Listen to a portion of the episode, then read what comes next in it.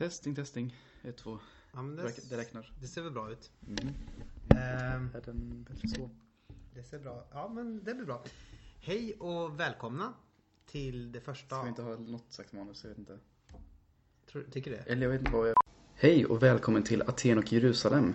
En podcast med och av... Anton Jonsson, eh, för närvarande pastor i eh, Finnerödja frikyrkoförsamling. Och eh, jag heter Simon Axelsson och är teologistuderande bosatt i Örebro. Ja, vad är då Aten och Jerusalem för sorts podcast? Det är en teologisk podcast där vi i första hand vill prata om saker som relaterar till tron eh, på då Jesus Kristus i första hand. Och det är också en podcast som för, när vi försöker liksom sätta det i relation med, med andra sorters eh, tänkande förutom den som utgår från tron då. Till exempel ideologi eller filosofi och sånt. Eh, så det är en sorts diskussion där det är skärningspunkten mellan tro och, eh, och eh, annat sorts vetande. Det är eh, en, en podcast i skärningspunkten mellan Aten och Jerusalem helt enkelt.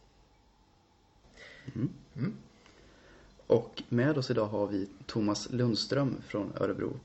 Thomas Lundström är en teolog, kristen, aktivist och anarkist. Ja. Vi kör.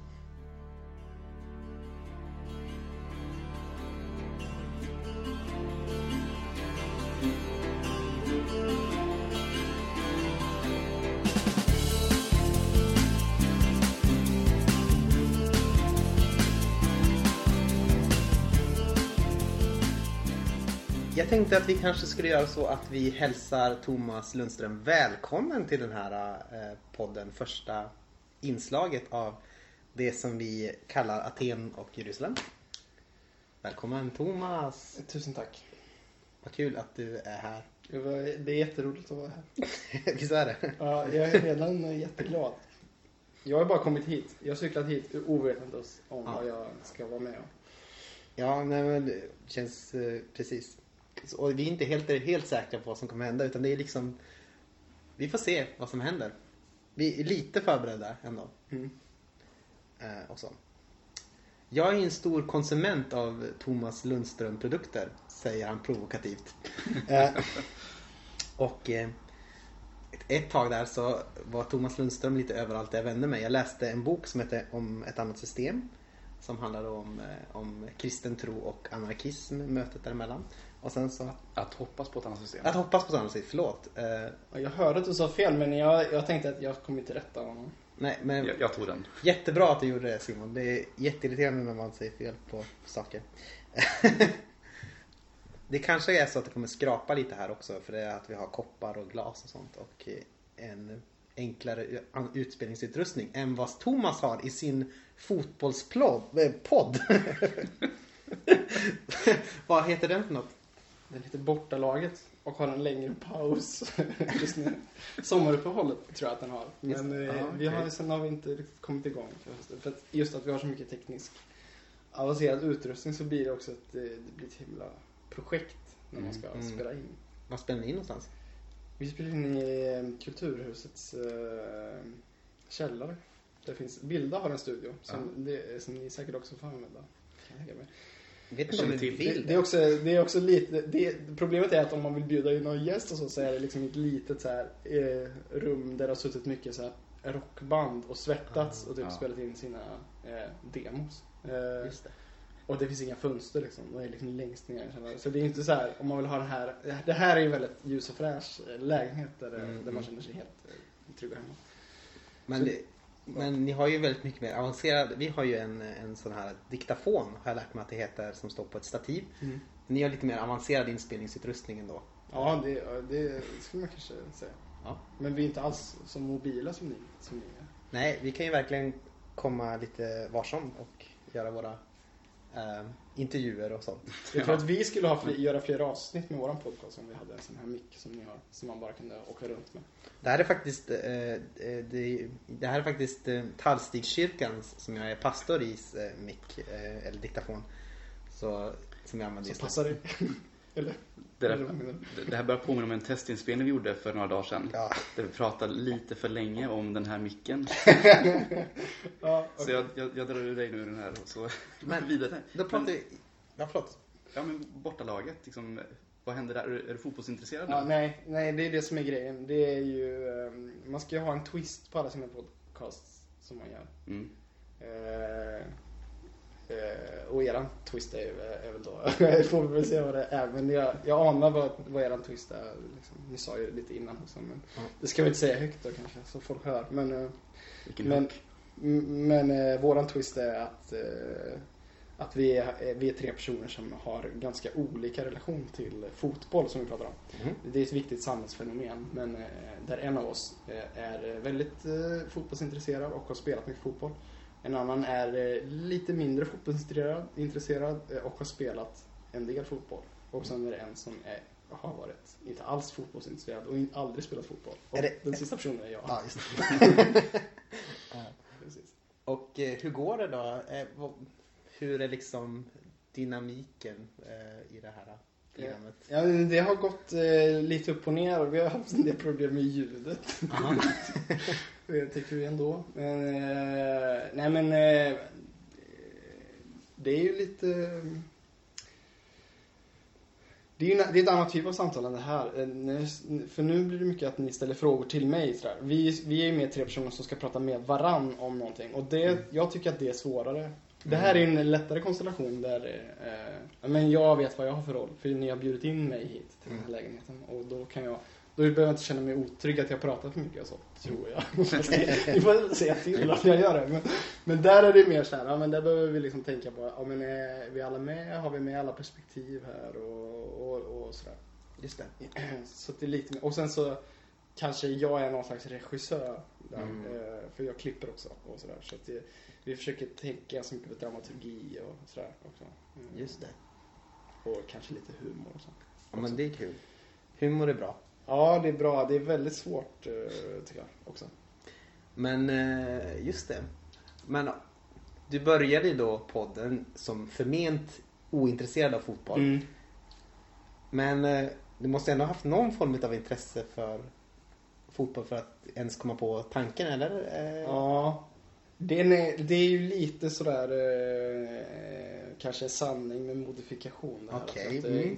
fotboll. Men eh, för att jag, men, men det som är sant är att jag någon gång har varit den personen, den personen som jag är kanske i, i podden. Alltså att när jag flyttade till Örebro så var jag helt ointresserad av fotboll.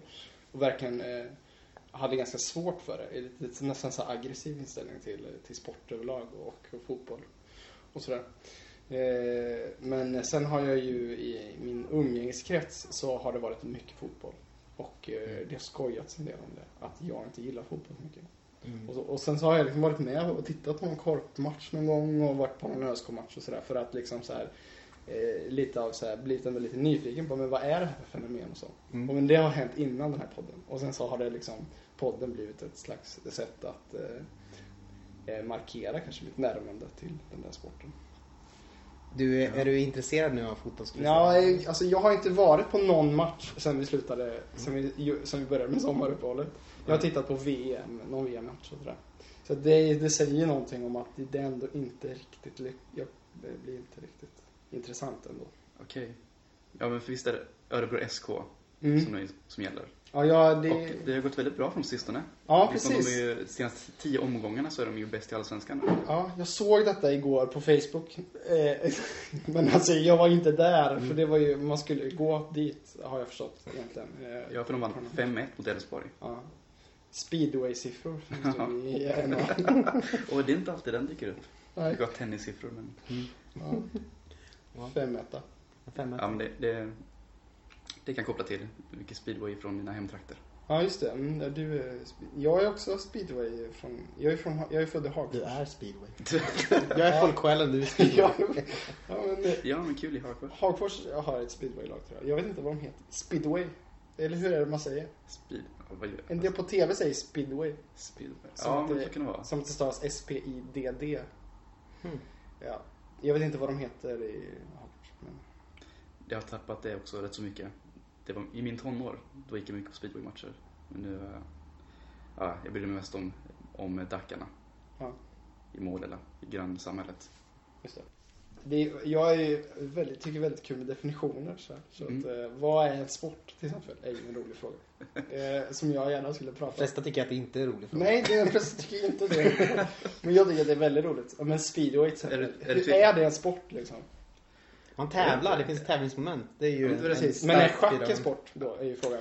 Är ju, som kommer som ett Jag, jag tänker att det, att det ska krävas en, en fysisk ansträngning som går ut Man flyttar ju sina som är. Nu som blir- är lite större än att flytta ett, en schackpjäs. Jag vet Nu inte tror, jag, nu, exakta. nu, nu tror jag hur många e-sportare som kan bli ledsna på dig. Precis. Jo men jag har hört, jag lyssnade ju på, jag lyssnar ibland på radio och då var det en del e-sportare som sa vi vill inte kallas, eh, vi vill inte, vi vill inte erkännas som en sport. För vi är e-sport, vi är ett eget fenomen. Okej, Det är liksom men, större än sport. men det finns ju andra liksom curling, bowling, biljard. Ja. Eh, Jo men det, det, jag har hört att curling är, är, är, Väldigt fall, jobbigt. Är väldigt jobbigt ja. Okej, I, alla fall, I alla fall om man är sopare. biljard är inte så jobbigt. Biljard är inte så jobbigt. Det blir man ju inte svettig. Men frågan, Man blir mest frustrerad. Ja, Ja. frustrerande. det är väldigt irriterande sport. Den är, det, ligger ju, det, det kanske går under precision, man kanske Man dricker jättemycket te när man spelar biljard. Dart, är det en sport? Ja, Man ja, dricker jättemycket öl när man spelar Ja, dart. precis. Mm. Ja, Jag försökte vara, inte gå till den här alkoholnormen. Så jag tänker, Okej. om man dricker väldigt mycket te när man spelar dart, eller kastar dart eller Ja, spelar biljard så blir man ju väldigt varm och då blir man, kan man bli svettig. just det. Vad fräscht. Därmed sport. Mm. Det här var svårt. Ja, för Man- det är svettigt. tänkte jag. Ja. Ja. Jag hade tänkt att gå in på, på en fråga som jag tror ändå ligger dig ganska varmt om hjärtat. Eh, om man googlar Thomas Lundström på Google då, eller ett annat sökapparatur som finns på internet som man skulle säga på P3. Fast vi har inget public service-ansvar. Nej, men nu, jag tycker att vi ändå ska ta det. Ja. Duck, duck, go finns det ja, Den är väldigt, den är, jag använde det ett tag men jag tyckte det blev sämre sökresultat. Ja, Det är för att de inte är lika anpassade efter mig som Google är. de känner inte lika väl. Det är som en gammal vän. Ja, som man vet vad du vill ha. De vet allt vad jag önskar. Det är, som, det är en sorts gudomligt över det här. Eh, Och tillbaka. Okej, och när man googlar då Thomas Lundström så kommer det upp en artikel eh, ganska högt upp som heter eh, Kristen anarkist höll tal i tingsrätten. Och så finns det en liten bild på dig när du är något yngre men inte så eh, värst mycket yngre. Eh, vad var det för tal du höll i tingsrätten och hur kommer det sig? Det lå- Det låter som att jag håller ett tal. Eller ja, det är det, för att det står där. Ja, det står det, det, står det i, i, I artikeln. Jag tänker mig att det var stråkar i bakgrunden. Men det är också som att jag åkt till ting, tingsrätten bara för att hålla tal. Ja, jo så är det ju. Det är, Och så var det inte riktigt heller. Nej, det, det är Jag blev inbjuden dit av andra anledningar. det, det är en annan historia bakom det här. Precis. Nej men jag, eh, precis. Jag, staten valde att åtala mig. Eh, eh, efter eh, att eh, jag hade eh, kvarstannat i en eh, myndighetslokal Mhm. eh, efter stängningsdags. Eh. Och den myndigheten var Migrationsverket. Och jag kvarstannade inte bara utan jag kedjade fast mig också tillsammans med några vänner. Och då tyckte ju staten inte att det var eh, så bra. Så då blev jag först inlåst i ett litet rum på polisstationen och sen eh, efter några månader åtalad och sen eh, kallad till rättegång. Så det var ju det var inte, det var inte som att hålla tal på ett bröllop. Sådär. Det var Då är det mer självvalt. Det var en lite mer pressande situation. Ja, precis. Sen så väljer man inte, kanske om det är familjemedlemmar och så som gifter sig så kanske man måste hålla då. och sådär. Mm. Men det var, det var lite mer tvångsbetonat. Eh, precis. Så, men, så, men det här talet som det refereras till är väl eh, då min... Eh, eh, ja, det kallas inte, det kallas inte plädering tror jag. Det, eh, Det är amerikanskt stämmer eller? jag vet inte vad, det låter inte så jätteplädering. Plädering. Men eh, det kallas något annat. Slutanförande kanske, eller något sånt där. Jag hade ingen, eh, jag hade ingen eh, Advokat. advokat, precis, biträde. Mm, mm. Det var högst medvetet eller? Eh, nej, alltså jag fick ingen tilldelad. Jag får inte det när, jag, när de kallar mig på rättegång. Av någon anledning. Jag gör för små brott eller någonting. Jag vet Okej. inte varför jag inte... Jag får aldrig någon, Mhm. någon advokat. Det hade varit kul annars att säga min advokat och sådär. Jag vill, ha, jag vill kunna säga det. Jag ska bara Jag måste prata med min, med min advokat.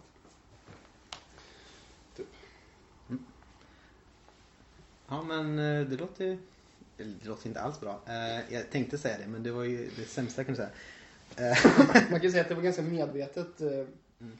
av mig. Alltså jag, jag anade att jag skulle hamna i, liksom, Mm. i en där situationen. Ja.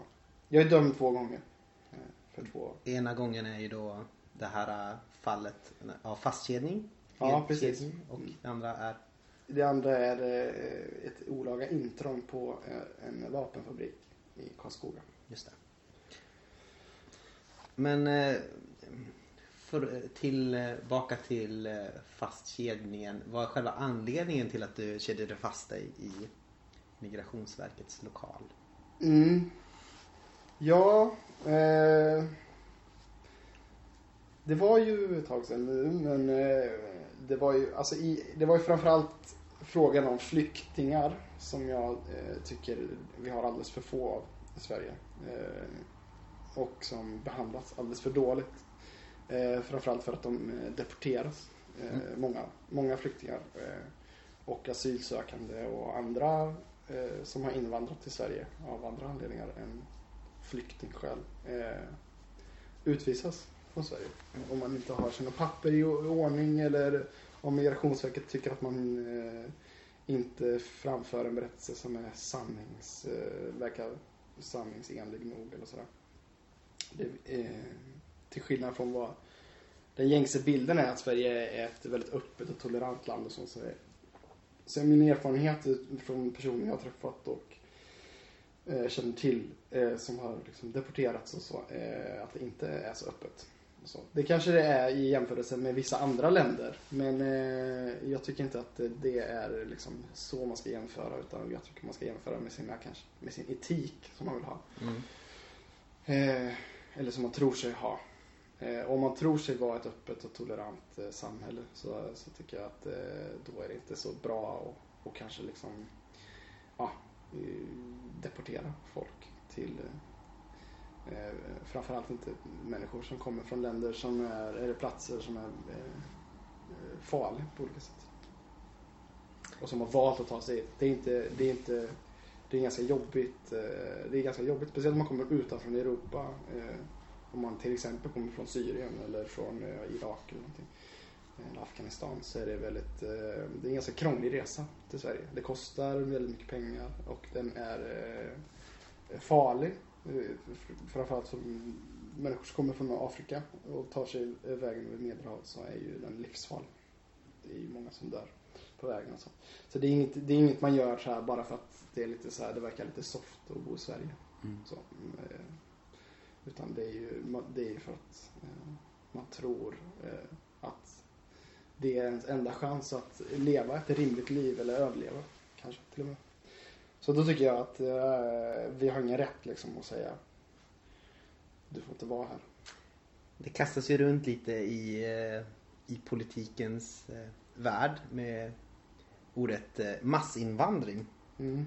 Eh, Du skulle nog inte säga att det Nej, jag skulle inte säga skulle, att det är en massinvandring. jag skulle ju prata kanske mer istället om massdeportationer. Eh, Jag tycker det är mer, mer är sant. Mm.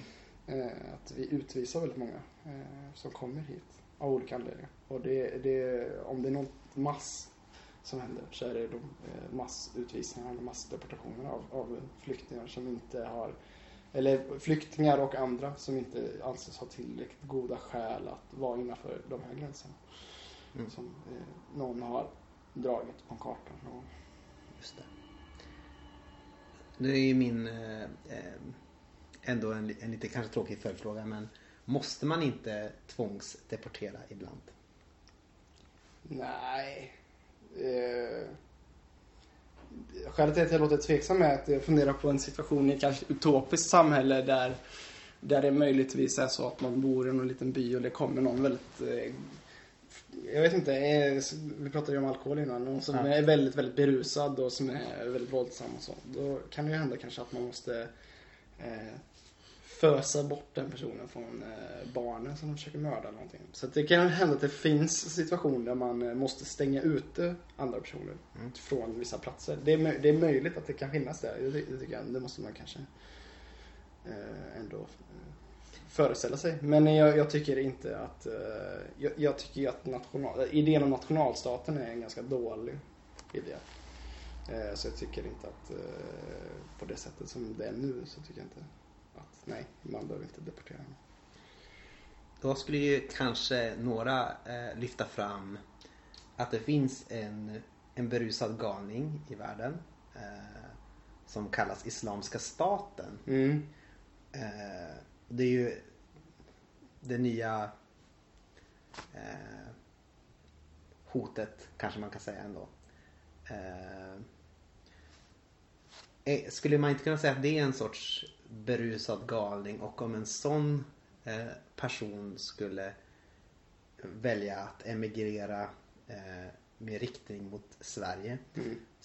Skulle man då behöva stänga den personen ute? Jag tror att eh, det, jag tänker att att, gräns, att använda gränser på det sättet liksom för att hålla faror ute inte är en, det är inte, det är ingen eh, bra strategi att lösa problem så på längre sikt.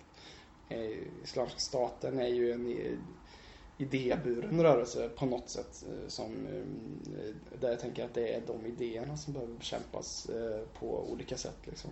Mm. Jag vet inte hur, det har jag ingen jättebra lösning på men det, det tycker jag att det kan vi prata om. Men eh, det, jag tänker att det, det finns ju besläktade rörelser till Islamiska staten i Sverige. Vi har nazistiska organisationer och sådär som eh, agerar här och, De får bo kvar. och de får bo kvar och de funderar vi inte på att deportera för att de råkar vara födda här eller eh, och så. Eh, så det, det, det är inte så att gränserna används på det sättet bara att hålla faror ute utan jag, jag, i liksom 99% av fallen 99,9% av fallen så är eh, använder gränserna används gränserna för att vi ska upprätthålla vår levnadsstandard som vi har här. Att eh, eh, vi, eh, vi råkar ha det ganska bra i det här landet eh, ekonomiskt och så och för att det ska man är orolig för att det inte ska fortsätta vara så och därför, vill, därför behöver man de här gränserna. Det, det är det jag tror är, är liksom anledningen till att man har det och inte kanske framförallt för att man är orolig för att det ska komma en eh, kraftigt berusad eh, islamist. De får inte dricka alkohol. Nej, nej precis. Nej, de är inte fulla. De är fulla på annat kanske. Men, eh, nej, men så jag, jag tror inte att det... Sen har det ju visat sig att liksom även länder med hårda gränser har haft eh, en del terrordåd och sådär. Mm. USA är ju ett sånt land till exempel. Mm. Eller England. Just Som jag har, väl- eh, England har ju kanske ännu hårdare gränsbevakning än vad USA har. Och har ju också haft terror. De, och där lever ju också Eftersom det då är idéburet också, eh, de, de där handlingarna, så frodas det jävligt internt i landet. Just det. Det- Man kan inte bara hålla det ute via att stoppa människor utan Nej, det tror jag inte Nej. är någon eh, lösning. Just det. Det kanske var en lösning, hade kanske varit rimligare att prata om det på 1500-talet eller något sånt där. Mm. Eller 1700-talet möjligtvis. Om man vill hålla till exempel katoliker ute från Mm. landet. Mm, precis, som jag har gjort lite grann. Eftersom vi alla här är väldigt protestantiska. Mm. Eller är reformerta, gud, gubevars. Ja. lite, lite på det temat. Eh, Jag såg att eh, i samband med den här fastkedjningsaktionen så gick, valde ni att gå under namnet De fria baptisterna. Mm. Eh, Det tyckte jag var lite roligt. Var kommer det namnet ifrån och varför använder ni det? Vi hade en, vi som ursprungligen gjorde de där, vi gjorde flera gånger, vi var flera gånger med. Kanske Mm. sex, sju gånger. I, och kvarstannade i lokalen. Men bara en gång vi kedjade fast oss. Så det, och det var då vi blev dömda.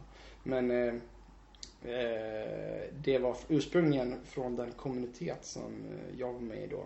Eh, I Brickebacken här i Örebro. Vi var fem vuxna och fem barn. Eh, en, en kristen kommunitet.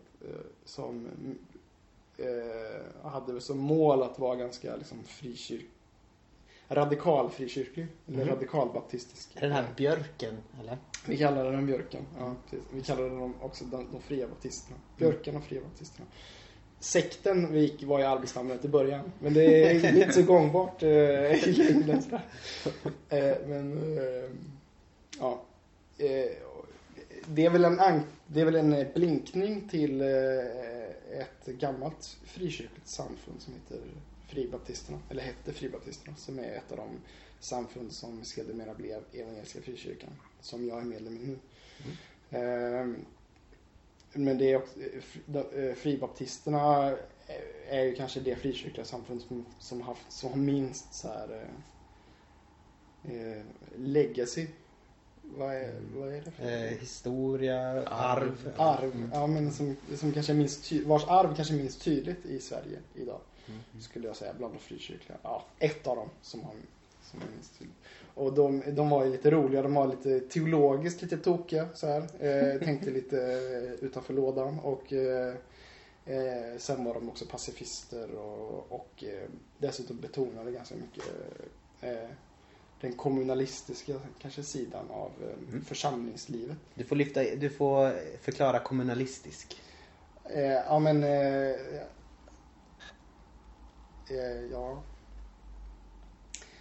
Men Jag tänker att det, det handlar om eh, hur tät gemenskap man vill ha. Mhm. Eh, alltså att eh, en, en gemenskap, en, en gemenskap eller församling som betonar eh, eh, eh, vad heter det? Eh, Samhörigheten? Ja, men samhörighet kanske och, eh, och att man är eh, till varandra i beroendeställning. Ja, man är i beroendeställning till varandra kanske på något sätt. Och eh, så. Även, eh, även, i, eh, även när det gäller sociala aspekter, kanske ekonomi till viss mån och så. också. Eh, Som en slags mellanting mellan kom, kommunism och, och andra, annan typ av kom, kommunitetsrörelse. Ja, de, hur som helst, de i alla fall eh, var kanske ett lite, en liten anledning till att vi, eh, liksom, vi ville blinka till det, vårat, vårat gamla frikyrkoarv. Och det, det är alltid roligt att blinka åt olika håll sådär. Och då är det kul att blinka ditåt. Och frikyrkoarvet har ju ändå en viss historia av motstånd mot staten. Precis, och eh, fribaptisterna var ju eh, just eh, en av de rörelserna som blev ganska sent eh, och länge blev eh, utsatta för förföljelse. Eh, får man säga. Just för att, eh, det var ju framförallt för deras vapenvägran.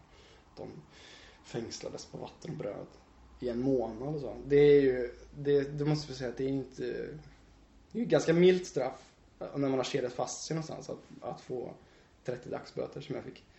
Eh, I jämförelse med att bli inlåst en månad för att man inte vill bära vapen i, på Mm. vatten och bröd. Det låter ju som ett ganska hemskt straff tycker jag. Eh, Men det var ju i alla fall flera som blev fängslade.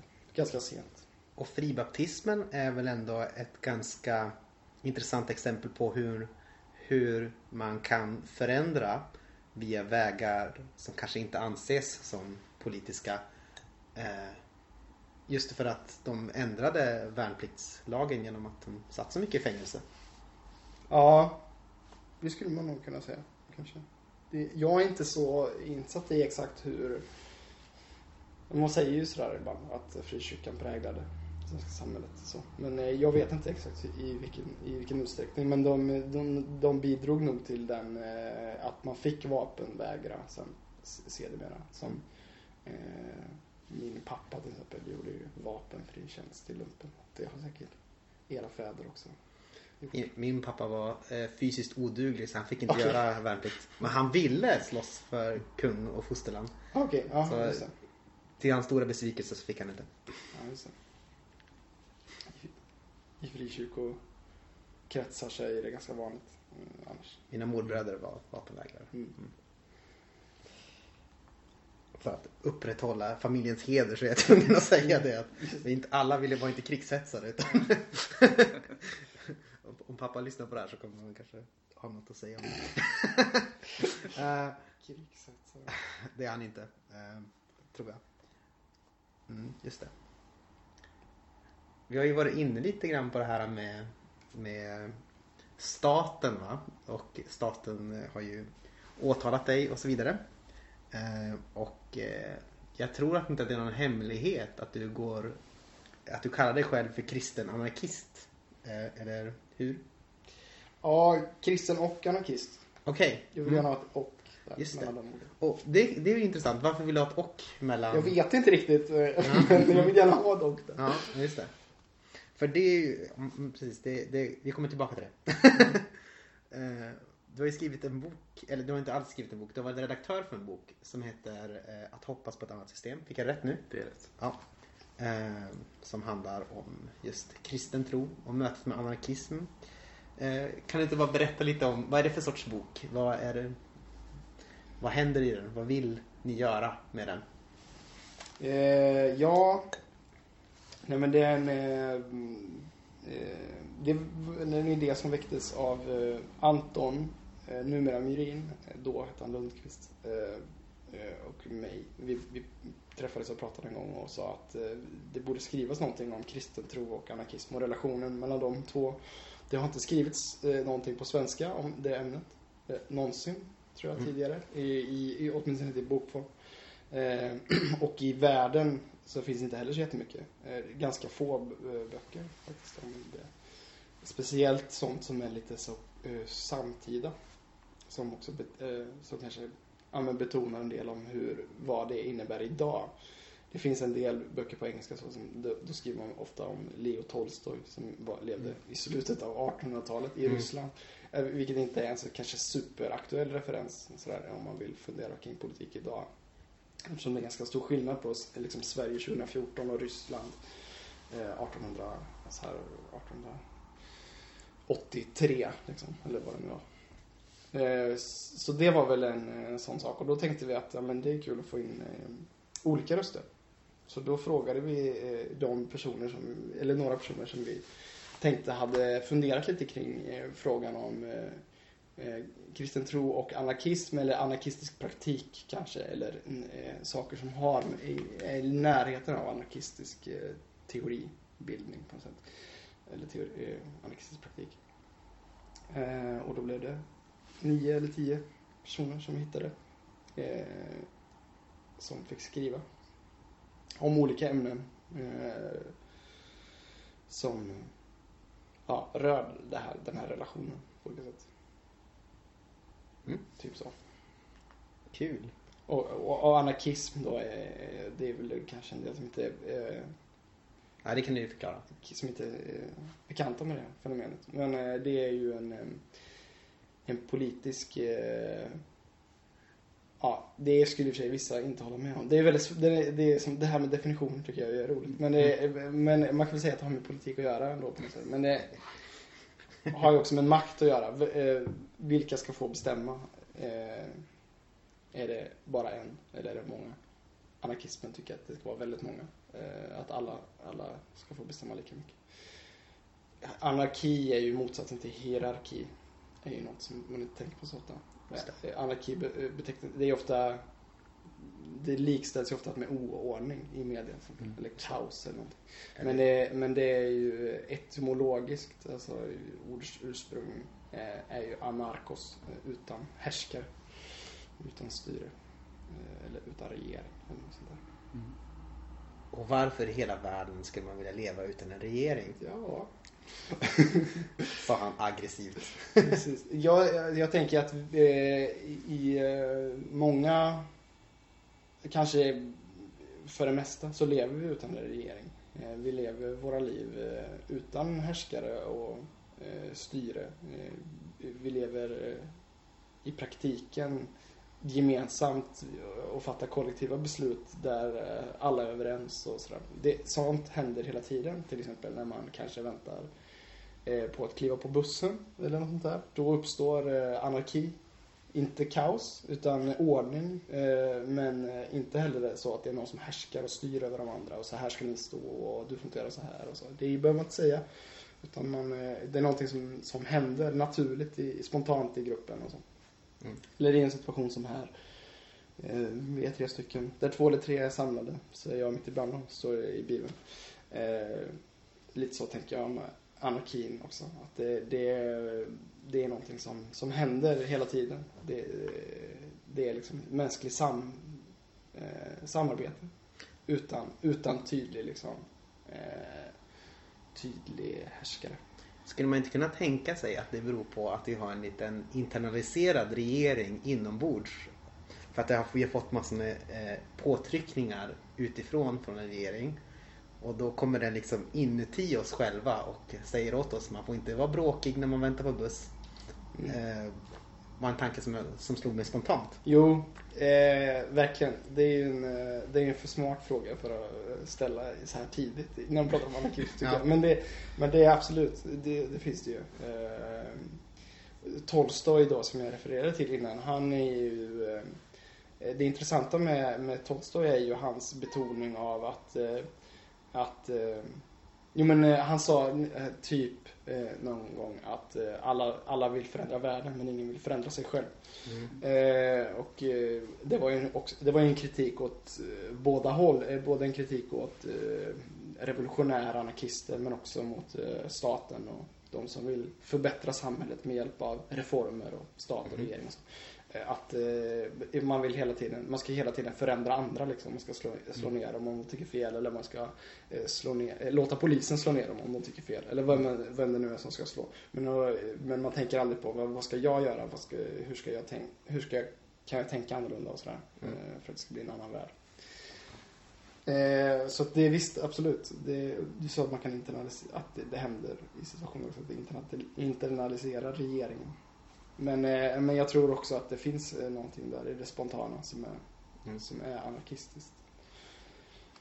Intressant. Eh, precis. Jag funderar på det här med, med val. Det, det var ett, eh, ett riksdagsval här den 14 september. Eh, eller hur? Yes, kulmen på supervalåret. Mm. Mm. Röstade du? Eh, jag kommenterar till mina egna handlingar i samband med valet. Mm. Eh, Okej. är, min, eh, är mitt svar på den frågan. Men, men jag, jag, jag tycker att jag tycker att vi ska sluta rösta. Mm. Och, och jag tycker att vi ska försöka på, förändra, inte påverka. Det tycker jag inte vi ska göra. Vi ska sluta försöka påverka och försöka förändra samhället utanför partipolitiken. Det tror jag är eh, en nyckel liksom, till att eh, eh, få en mer jämlik värld. Och hur kan det se ut? Ja, till exempel eh, kan man försöka ockupera en myndighetslokal som utövar makt genom att eh, besluta om vilka som ska få stanna i Sverige och inte. Mm. Det är ett eh, försök att liksom, eh, under en kort tid skapa ett annat samhälle. Att liksom ta över och förändra liksom, det man ser. Men det kan också vara att att när man träffas så behöver man inte alltid utse en ledare som ska bestämma utan man kan försöka komma fram tillsammans kring saker. Eh, fatta gemensamma beslut med konsensus eller någonting. Man kanske kan eh, försöka dela ekonomi med andra. Det är, det är lite klurigare men det går att göra det. Och mm. man kan också till exempel om man pratar om flyktingfrågan så kan man ju öppna sitt hem eller sin plånbok för för någon av alla de papperslösa som bor i Sverige. Och, och på så sätt visa att det finns annan solidaritet bortom staten. Det är inte bara liksom välfärdsstaten som är det enda solidariska vi har utan det finns, eh, det finns andra, andra former av solidaritet. Som pågår hela tiden och som man kan vara en del av. Jag tror på ett liv bortom staten. Kanske man kan eh, säga lite poetiskt. Ja. Eh, jag funderar på våld. Mm. Eh, när jag läser en bok så kan man ändå säga att det finns nyansskillnader i hur man förhåller sig till våld eh, i den. Till exempel så finns det Johanna Hadin, eh, det är rätt uttalat namn. Mm. Hon har en, en position som är ganska mycket att som, som kristen så kan man inte bruka våld. Och eh, man kan inte samarbeta med, eh, med, med organisationer som använder våld. Till exempel inte med staten då, det givna eftersom det är en, en anarkistisk bok.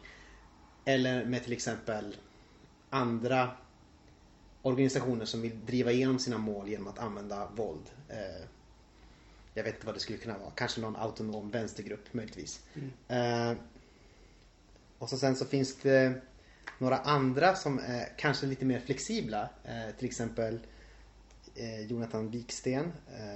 Han, kanske, han kanske drar mer åt att det här med icke-våld är mer en taktisk fråga.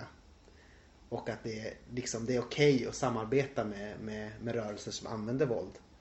Eh, och kanske till och med skulle man, man, man skulle kunna se det som en öppning för att kristna eventuellt skulle kunna använda våld.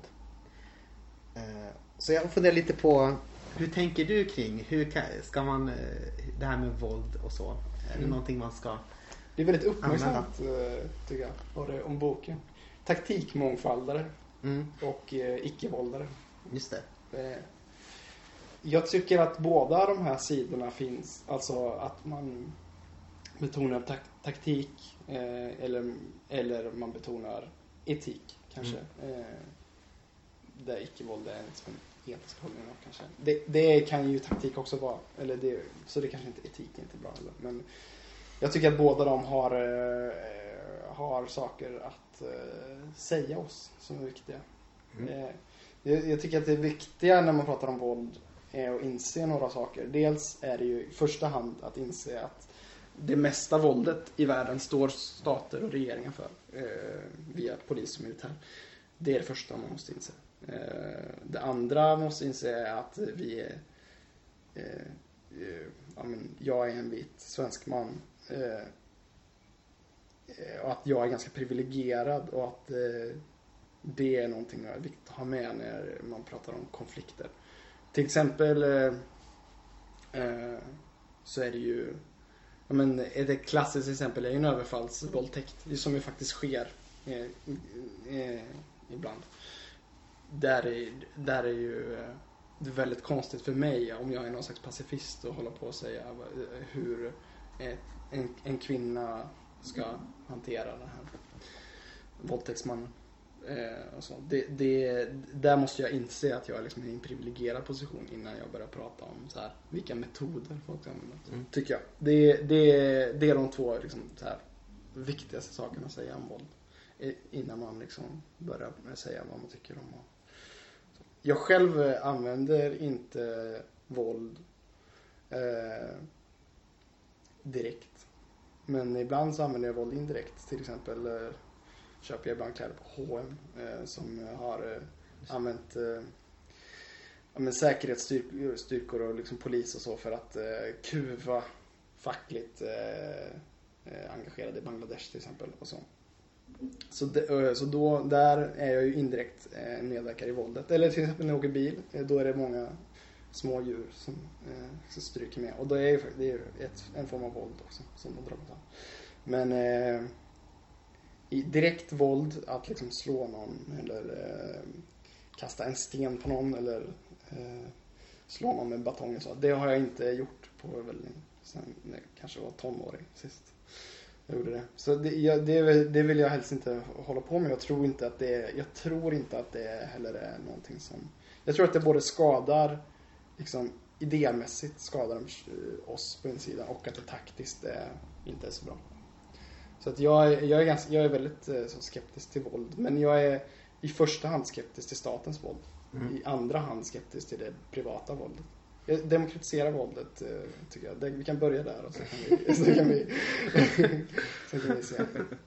Men det, argumentet som används är, mot det här sättet att tänka som jag eh, säger, som alla sitter och tänker på nu. Det är ju att, men, är det inte bra att liksom minimera våldet så mycket som det går och liksom koncentrera det och liksom eh, Eh, eh kontrollera det genom staten. Det är ju det vi gör med polisen till exempel och militären. Men eh, jag tycker att det är ju inte alltid jättebra att lägga alla ägg i samma korg. Utan det finns också faror med det. Liksom. Att, mm. att att, några, att man ska tro att några personer är, bara för att de får alla vapen och all, all makt så, så blir det ett tryggare samhälle. Så. Jag, tror, jag är inte säker på att det är så. Kopplar du samman det här, eller jag funderar på hur tänker du kring, kring våld och att du är kristen och anarkist eh, i förhållande till Jesu undervisning om vänd andra kinden till, värjer inte för det onda. Eller hur man nu vill Mm. läsa det. Nej, men eh, det, pacifismen är ju en ingång. Jag är uppvuxen i en pacifistisk familj. Liksom, tror jag. Mm. Det är väldigt, varit väldigt viktigt för min familj att, inte, att man gör inte lumpen till exempel. Eh, och så. Det, det, har inte, det har man inte gjort i min tradition. Jag är uppvuxen i pingströrelsen. Men eh, eh, Så jag har det med mig och det var en av ingångarna till anarkismen för mig. För att Mm. anarkismen är en av de mest pacifistiska av, eh, av de politiska idéerna som, som finns. För de, alla de andra använder, vill använda staten. Men, eh, ha, men ha, och har inga, eh, alltså inte ens eh, ekologismen som ju ofta ses som en pacifistisk rörelse vill ju ändå använda polisen och så för att liksom, eh, organisera samhället. Men eh, anarkismen, där finns det ändå resurser att bygga på som är helt icke-våldsliga. Eh, och även de mer militanta grenarna av anarkismen kritiserar ju våldet. Liksom. Eh, så, så att det, och, och då med min mm, liksom, min kristna bakgrund. Så, här, så det var ju liksom det som lockade mig till anarkismen. Så det hänger ihop väldigt eh, tydligt för mig. Men sen så är ju, var ju Jesus också, han, liksom, det är ju, det, dels så är ju ett problem liksom, man pratar om pacifism och icke-våld, att man eh, blandar ihop Jesus och Gandhi till samma person. Mhm. Och det tycker jag är en ganska dålig grej. För att eh, Gandhi och Jesus var inte samma person. Nej. Eh, även om Gandhi ha, har Vi sina... dementerar det ryktet. Vi riktigt. Nej, men Gandhi och Jesus eh, eh, Gandhi var ju inspirerad av Jesus men också av andra saker. Eh, och Gandhi var ju till exempel nationalist och eh, ja. Jag, jag, tycker inte att vi måste eh, liksom acceptera alla Gandhis tankar om icke-våld eh, för att vara eh, pacifister. Och så. Och jag skulle vilja också fram, framhålla att Gandhi på ett sätt lyckades med, med eh, sitt eh, nationalistiska mål. Och eh, Jesus blev korsfäst. Så det är också en, Mm. en skillnad Mm. mellan, de, mellan de två. Precis. Ja men verkligen. Eh, och, och sen så liksom Jesus. Eh, men det finns ju åtminstone en rätt som en väldigt aggressiv Jesus. Och det är ju rensningen av templet. Som eh, är en berättelse som man måste förhålla sig till. Om man är pacifist eller icke-våldare och har Jesus som förebild så måste man förhålla sig till den berättelsen när Jesus eh, tvinnar sin piska och eh, jagar ut månglan ur templet. Eh, det, Hur förhåller du dig till den? Eh, jag, tycker att den är... Dels tycker jag att det är en ganska rolig berättelse.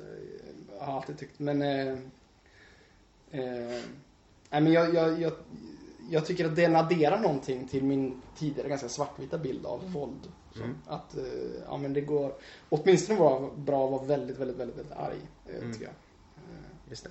Jesus kallar ju också folk för huggormsyngel och sådär. Ja, han var ju inte, han var inte helt eh, smooth. Nej. Eller så i orden alltid. Men, men, men, det går, men, eh, men, men en sak Jesus inte gjorde, det var ju att skaffa sin poli, polisiär eh, styrka eller militär och så, och som han skickade till eh, fattiga länder i syd. Det gjorde inte Jesus i alla fall. Inte ens eh, 12 legioner änglar skickade han iväg faktiskt. Nej, just det. Eh, Så, att det, så där tycker jag är skillnaden. Att eh, det, om Jesus använde våld så var det inte, åtminstone inte via militär eller polisiär makt utan det, det var ju själv liksom. Jag har ju ändå hört, eh, eller en joderiansk tolkning. Det är, Joder är en, en teolog som är väldigt inflytelserik i många sammanhang. Just nu har det, det har ju framkommit att han inte alltid levde på det sättet som han som han eh, gav uttryck för i sin teologi utan han eh, förgrep sig på kvinnor och så. Eh, och så. Det lät lite kanske Mm. avfärdanden. Men i alla fall, han skulle, jag tror han skulle, hade någon tolkning där i sin, i sin bok att, att eh, om man kollar på det rent grammatiskt så borde det vara att Jesus eh, skickar iväg djuren liksom. Mm. På något sätt med sin piska. Ja, med piskan. Ja. Mm. Precis. Nu, det, ja, det hjälper inte mig så mycket eftersom Nej. jag tycker att eh, även djur kan utsättas för våld. Ja, just det, och just Eh, jag, jag vill Han kan ju piska upp i luften och skrämma Ja. iväg dem i och för sig. Precis, ja. Men det är frågan om eh, hot om våld. eh, Liksom. Ja. Det här, och det här kommer vi in på definitionen. Vi pratade om sport Ja, just det, sport, just det. Liksom? Vad är våld? Det tycker jag är också en väldigt viktig sak. Det är också den tredje kanske aspekten att ha med sig, tycker jag. Mm. Att eh, också prata om, bestämma vad är våld? Vad tycker vi är våld? Liksom? Innan man börjar prata om, ska vi, Ska vi ta avstånd från våld till exempel? Det tycker jag är det. väldigt patetiskt när folk ska hålla på att ta avstånd från våld och sen så liksom tycker de ändå att man ska ha en polis. Och Mm. Det är väldigt eh, roligt. Kul. Ehm, det kanske inte det är inte är roligt på det sättet. nej, Tok, kanske mer tokigt. skämtsamt. Vad, vad är kul? Vad är kul. Ja, definiera. Det, jag, jag personligen kan ju vara en sån person som kan vara irriterad när folk säger typ definiera sånt i, i, van, i, i vanliga samtal. här. Definiera X. Ja, nej, men precis. När man säger typ jag tycker om chips och så bara definiera chips. Räfflade potatis i tunna skivor. Men du tycker inte det är så kul att hålla på att definiera alltså? Jag, tycker, jag, kan tycka att det, jag kan förstå att det är nödvändigt ibland men eh, jag kan tänka att det är kanske inte alltid nödvändigt. Nej, det finns ju göra. olika situationer kanske. Ja, Du, du ser det som, lite som ett farthinder i ett, sam- i ett samtal. i ett, i ett samtal så ser jag det ofta som ett farthinder. Men jag kan ju förstå att det, om, om, om, om vi ska komma fram till till exempel eh, hur eh, en kyrka ska eh, Förhålla sig till våld. förhålla sig till våld. Då kan det vara nödvändigt att säga okej men vad tänker vi när vi, eh, på, när vi pratar om våld? Mm. Och vad, vad är liksom vad är våld och vad är bara påverkan? På Och vad är också förhållande? Alltså, Ja. vad, vad, det, för det är också en aspekt man glömmer bort. Man kanske Mm. är överens om att våld är och att åsamka andra skada. Till exempel. Mm. Fysisk skada eller smärta. Men, eh, men för, vad är ett förhållande? Och så? För Mm. det är ju väldigt, eftersom det är, som jag var inne på, det är väldigt eh, trendigt nu att man ska ta avstånd från olika saker. Av, Just det. Och eh, det är ju också så här, men vad, vad innebär det liksom? Att ta, vi tar avstånd från allt våld liksom. Vi tar avstånd från allt. Vi tar avstånd från allt. Det är väldigt lätt svårt att, för hyggliga saker. Mm. det är väldigt lätt att ta och säga att man tar avstånd från olika saker. Det, Mm. det är väldigt lätt. Det är svårare kanske att eh, göra det i praktiken. Ja, definitivt. Och det kan ju vara en, en bra sak att ha med sig i diskussionen. På något sätt. Ehm, just det. Jag funderar också, jag är lite grann eh, fortfarande inne på det här anarkistspåret. Jag tycker det är väldigt intressant. Jag har ju skrivit en liten C-uppsats eh, som delvis, Ganska lång. ja ganska lång. En lång liten C-uppsats. En lång liten C-uppsats som eh, delvis tangerar ämnet anarkism. Och, eller ja, det är en stor del av den. Det är väl Anarkism. dissekerat våra Ja. bok kan man säga. Precis. Och jag, jag, jag skulle ändå säga, jag, jag tycker att det är en väldigt bra bok. Eh, måste jag säga. Jag, det, Säger du det till Kristdemokraterna också? Jag, det jag, är ett väldigt bra partiprogram. nej, jag, jag tyckte, den kanske jag tycker inte är lika bra. Men det finns ju en hel del saker som jag också inte håller med om i eran bok. Så. Mm, Och mm. det kan- framgår ju av eh, uppsatsen. Tänker jag ändå. Eh, och det, det jag har funderat på lite grann i den uppsatsen bland annat eh, är det här med eh, risken av att man använder Jesus som en projektionsduk Mm. för, för kanske anarkistiska ideal. Och du har pratat lite grann om det så. Men eh, tror att det finns en sån Ja, risk i, absolut. genom rörelsen. Absolut. Eh, och jag är ju också på något sätt någon slags teolog också.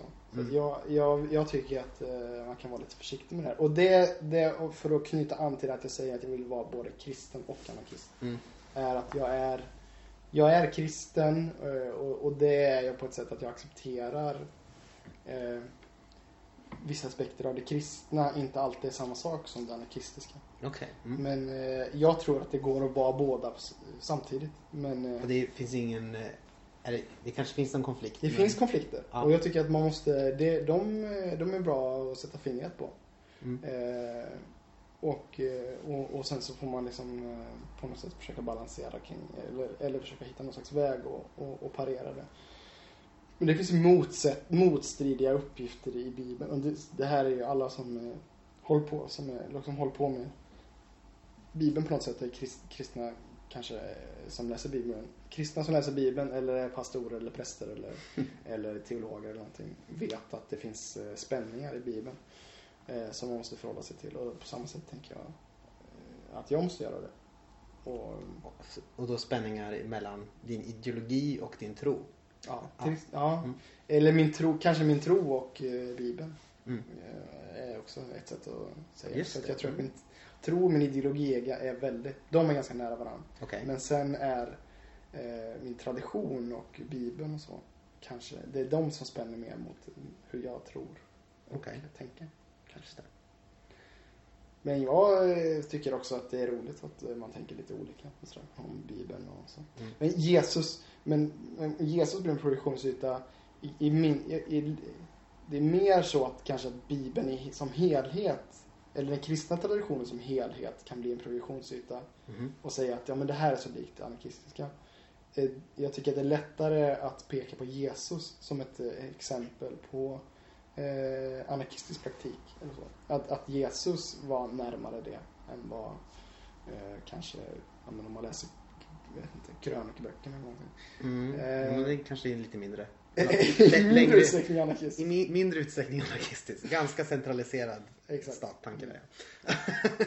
Eh, så, så att jag, jag, jag skulle, det, det finns en risk att även Jesus blir en produktionsyta som vi var inne med våldet till exempel. Mm. Eh, men, eh, men jag tycker ändå att Jesus, alltså, ja, för mig är det ganska uppenbart att Jesus är, har en ganska, är, har en väldigt kritisk udd till politisk makt, till den politiska makten.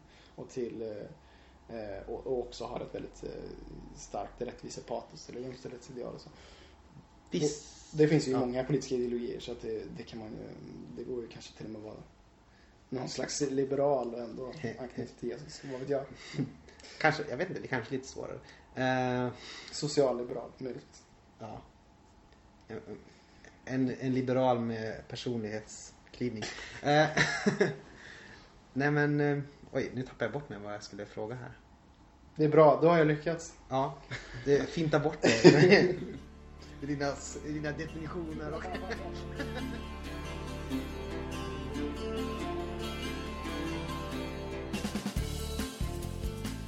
Jag funderar på eh, förhållandet anarki och Guds rike också. Mm. Eh, Den, tycker jag, den tyckte jag var väldigt intressant när jag skrev eh, uppsatsen. Och så, att ibland, man kan, man kan ju säga att, att en ganska traditionell kristen förståelse av sin tro, eller av tron, är ju att eh, det är en god skapelse, sen kommer det ett sorts fall som gör att människan och, och naturen inte är på samma sätt som det var. Eh, och så sen så kommer då Jesus med en sorts eh, början på återupprättelse och sen så kommer ett eskatologiskt brott på slutet av den där det inträder en ny värld. Och anarkistiska berättelsen, i alla fall den, den mer eh, moderna kanske man ska säga, har ju ändå lite liknande drag. Att först var det bättre eh, när det inte fanns en stat. Sen så kommer en stat och det blir sämre. Och så sen så lever man i den här sorts motstånden eller början på en, en, en revolution eh, som anarkist. Och så sen en dag så kommer det komma det här brottet där, eh, där på något sätt en ny ordning, anarkistisk ordning inträder. Generalstrejken. Ja. och, då, eh, och jag tänker, det är intressant att de ändå är så lika på något sätt. Eh, och och jag undrar om det kan göra att man frestas till att tänka att en anarkistiskt eh, sorts inomvärldslig eh, politisk eh, realitet är samma sak som Guds rike. Mm. I, i, eh, inom anarkismen diskuteras ju just det här eh, judeokristet präglade sättet att tänka. Mm. Det kritiseras ganska mycket nu. Det finns en, eh, åtminstone inom akademisk eh, anarkism. Det finns ju något som kallas för post-anarchism. Såklart. Mm. Eh, det finns Det finns många post. det finns många post. post. Efter anarkismen eller senanarkism. Och, och eh, där man då eh, frågar sig om den här synen på det här eh, fullständigt eh, fantastiska himmelriket som man föreställt, föreställde sig kanske i, i alltså förra sekelskiftet. Kommer det någonsin komma? Kommer vi komma dit? Kommer det verkligen bli på det där sättet? Kanske. Alltså det är en av de sakerna man, man frågar sig. Alltså. Och eh, också frågar sig, har det någonsin varit sådär? Som vi också för, har föreställt oss innan. Har det Mm. någonsin varit sådär egalitärt och, och härligt och, och så? Som eh, vi föreställer oss. Eh, där är kanske svaret på den frågan är kanske nja, nja liksom. Ändå. Det, det har nog varit bättre liksom. Det har varit mindre våld kanske utan staten och ett, annat typ av våld. Eller, och eh, det har inte varit riktigt lika ojämställt och så kanske. Eh, och det kanske kan bli lite bättre. Så. Är väl eh, kanske ett svar på frågan. Eller, eller det går att se nu när vi som jag var inne på, det går att se liksom, de här tendenserna.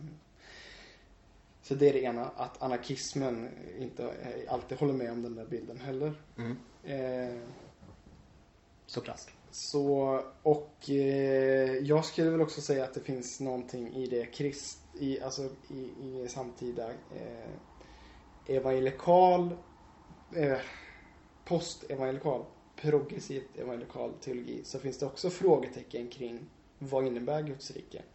Och så, när kommer det och kanske har det kommit redan eller Mm. hur är det där? Eh, som ju är ett, ett långt samtal också. Eh, men som jag tycker är värt att att fundera kring. Liksom, vad är Guds rike?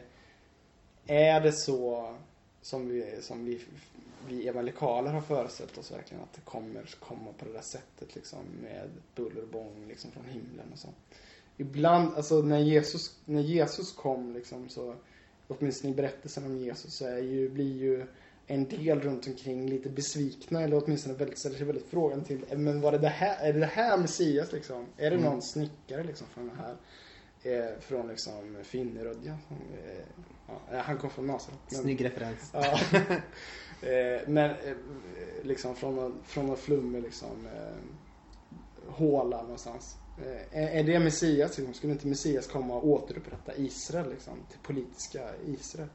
Och sen så dör han liksom, blir avrättad av, av romarna liksom och uppspikad på ett kors och så. Det blev inte alls eh, som, det var inte jättemånga tror jag som hade tänkt sig så kring Messias i alla fall.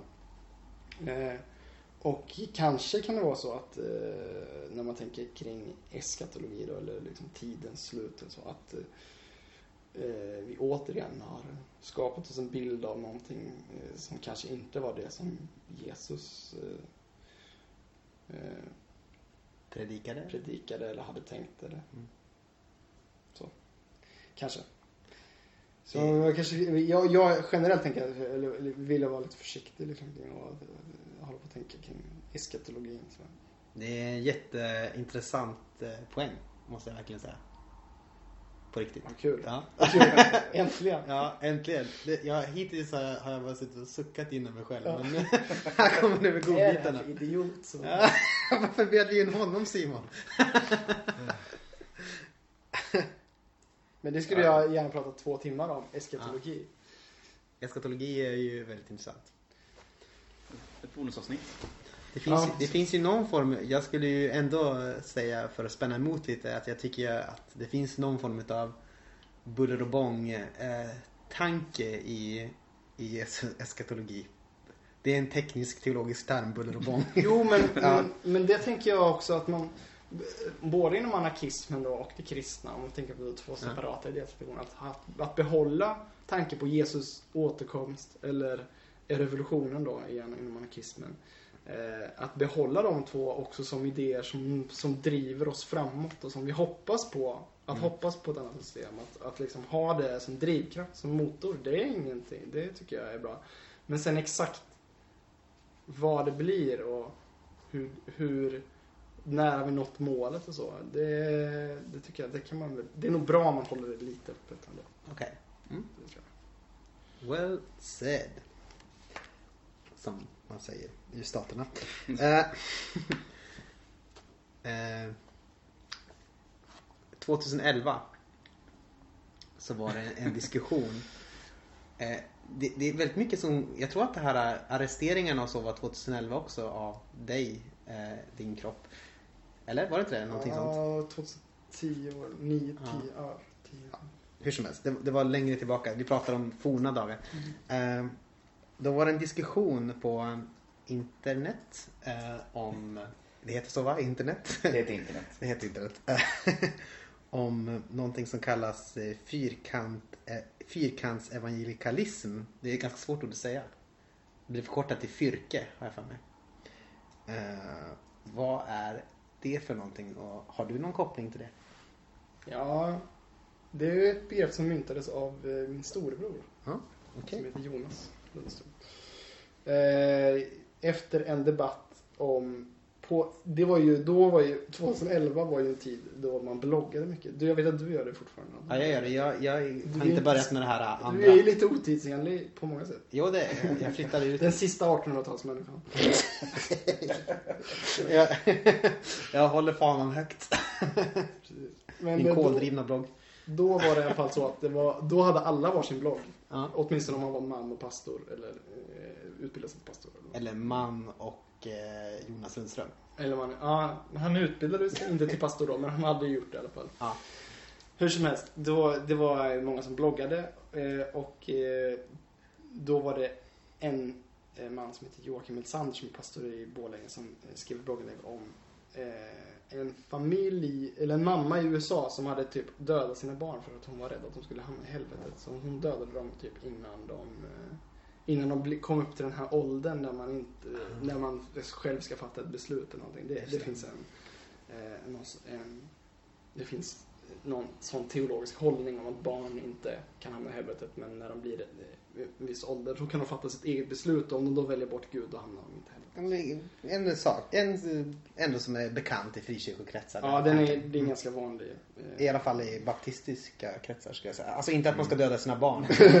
men att, men att, eh, att, barn, att barn är oskyldiga. Att barn är oskyldiga, precis. Det är ju det som har gjort att man har eh, döpt vuxna till exempel i Mm. eh, baptistisk tradition. Är att för, för eh, ja, men när man inte är mogen nog att fatta ett beslut då är man heller inte hotad av helvetet. Nej, just det. Eh, och utifrån den här berättelsen då så ifrågasätter Joakim eh, eh, kanske hur vi använder helvetet och vad, vad kan det leda till egentligen. Mm. Och då blev en annan eh, person inom eh, i, i samma samfund, Evangeliska Frikyrkan, upp, väldigt upprörd. Eh, och det var Stefan Svärd som tyckte att ja, det här är, så här får man inte argumentera. Det är, liksom, det är bara för att man tror på helvetet eller liksom använder helvetet i sin teologi så betyder inte det att man eh, vill döda sina barn. Och det var ju naturligtvis inte det Joakim var ute efter heller. Men eh, det blev en diskussion kring det där. Eh, och sen så fortsatte diskussionen om just hur synen på helvetet.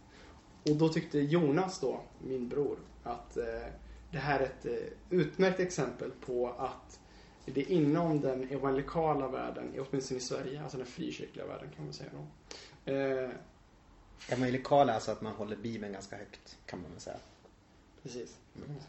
Eh, inom den världen i Sverige så är det väldigt eh, viktigt att man tror rätt om ett antal punkter i, i teologisk, liksom teologiska punkter. Till exempel så är det viktigt att man tror att helvetet existerar som, en, som ett utfall av synd eller att man inte har valt att tro på Jesus. Och han räknar upp några andra saker. Eh, till exempel eh, man, det är viktigt att man tror på jungfrufödseln, på eh, att homosexualitet är synd, eh, att... Eh, ja, vad var det mer för saker? Lite sådana där eh, eh, aspekter. Och, men det som var Jonas poäng då var att för att vara en fyrkants evangelikalist eh, så måste man, så tycker man att man måste tycka rätt om alla de här sakerna. Alltså man måste tro att, man måste tro på jungfrufödseln, man måste tro att homosexualitet är synd, man måste tro att helvetet finns.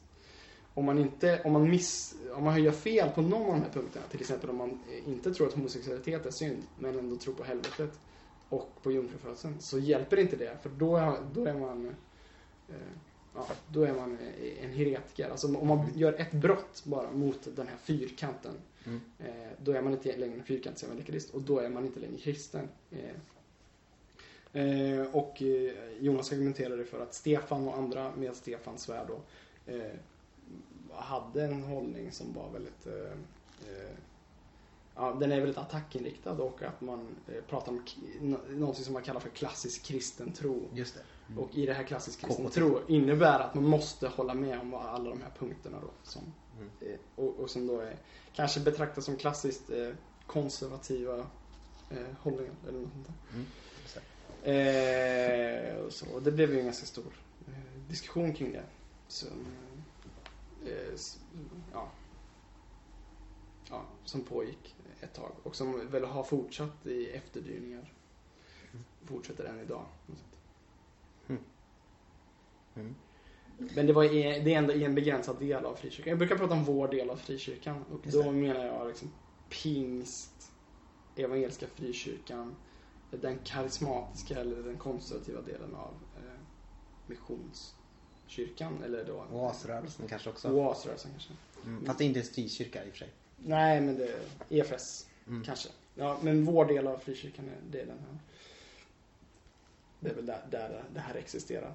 Fyrke. Fyrke till väldigt kristen. Och jag tycker ju att det, jag håller helt med min bror där också kan man säga. Jag, jag, eh, eller höll med honom. Jag vet inte vad han tänker ibland. Men jag tror verkligen att det finns en sån och att den, jag tycker också att den är djupt problematisk och väldigt sådär eh, det är alldeles för statiskt eh, sätt att se på tron. Att man ska uppfylla vissa kriterier. Sen så tycker inte jag att tro är, är att man ska tycka och tänka på vissa sätt. Rätt på vissa sätt. Utan? Jag tänker att det framförallt handlar om vad man, hur man lever sitt liv. Kanske Mm. i första rummet. Eh, Sen så på något sätt så måste man ju bekänna sig till den kristna tron för att vara kristen. Alltså man måste ju på något sätt Det är svårt att säga, jag tycker att det är taskigt att säga till någon du är kristen som säger, själv säger att han inte är kristen. Mm. Det, det är ju en del som har gjort det i historien, att det finns, eh, vad kallas det? Eh, Nominalistisk eh, kristendom, namn. ja, just det. Ja. Att du är född i Sverige, du är döpt i Svenska Ja, nej, kyrkan. men jag tänker, eller? på, jag tänker på att, så här, att man tänker att ja, det kanske finns någon ursprungsbefolkning Ah, någonstans som är liksom implicit kristen. för att de har någon, eh, de vet Oh. inte själva att de är kristna. Ja just det, de som lever i enlighet på något sätt. Eh, De, ja, jag kommer inte ihåg vad det heter. Men det är ju den här, det är en katolsk teolog som Mm. har myntat det. Har ju blivit ganska kritiserat av så Ja. post, i så postkolonial teori och så. För att det är ganska så här, det är ganska hemskt att lägga på någon annan sin egen världsbild bara för att det råkar sammanfalla lite grann. Mm. Eh, så jag tänker att om man säger att man är kristen och eh, då är man ju det på något sätt. Men sen så tänker jag i andra hand också att det är väldigt viktigt vad man gör. Sen kanske inte exakt hur man, på vilket, hur man tror om att man är kristen. Utan det är mycket viktigare vad man gör när man är kristen. Just Men jag tänker att alla som säger att de är kristna är ju kristna. Så det måste man, det måste man, det måste man ha som en grund, Mm, okej. en grundhållning. Jag Även- tycker det är ganska rimligt. Eh, Okej, äm- även om man skulle säga till exempel Jag är kristen för jag är född i nationalstaten Ja. Sverige och, eh, och eh, är döpt men jag tror inte på Gud eller Jesus. Ja, jag, jag, jo men jag tycker nog det. Ja, Ja, att, att om man säger att man är kristen, då är man kristen. okej. Men sen... Eh, sen Sen kanske man överger sin Sen tro. kanske man inte följer Jesus liksom. Mhm. Och så. Det måste man inte göra för att vara kristen tycker jag. Okej. Eller eh, så. så att det, och eh, det säger ingenting om hur man kommer till helvete, huruvida man kommer till helvete eller inte. Jag Okej. tror inte att helvetet finns på det sättet. Eh, så att det inte... Ja. Hur, hur, hur, hur finns helvetet? Ja, det finns ju runt omkring oss. Alltså att deporteras. Som kristen eh, iraker deporteras tillbaka till Bagdad eh, 2010 till exempel. Det är ju ett ganska bra exempel på hur helvetet kan se ut, tror jag. Mm. Eller, eh, eller något annat. Eh, liksom, att ha ebola i ett område där det inte finns några sjukhus. Eller så, är inte heller så himla kul. Tror jag. Eh, Så att eh, det, det är ju, finns ju runt omkring oss och jag tror, tycker inte vi behöver tänka, man behöver inte föreställa sig helvetet efter döden för att det Ja, man behöver inte skrämma om det lite utan det och det, det är. ju alltid, ja det är nog som det är och det, det, har ju, det är ju en klassisk missuppfattning att man ska att helvetet ska användas som ett hot på det sättet. Av de, jag, så som jag uppfattar det, av de första kristna så används helvetet eh, som en tröst för att vad, ska, vad är det som ska hamna i helvetet egentligen? Jo, det är systemet liksom. Det är Babylon som ska liksom kastas i den brinnande elden liksom. Sådär. Eh, det är fienderna som ska liksom hamna i helvetet. Och eh, det tycker jag är befriande. Och så, vill jag, så säger jag ibland också när jag Och är väldigt fienderna, det, när, vad tänker du på när du säger det? Ja, men de, de första kristnas fiender. Mm. jag tycker att vi också kan tänka ibland, eh, jag tycker att man kan säga ibland att så här, ja, liksom, ja men Gud får ta hand om det här liksom. Gud får skicka de här personerna i helvetet. Eller liksom, mer, men då mer som en, det är ju mer som en förstärkning liksom. Eller, eh, eh, eller också att man låter, det är också ett, det är också ett icke-våldsligt sätt att hantera sina fiender på. Att säga att men de kommer hamna i helvetet. För att det, är inte, jag kommer inte döda dem. Men liksom, om Gud eh, tycker att det, då får Gud göra det. Liksom. Men det är, jag tänker att det är ändå ganska bildligt. Så att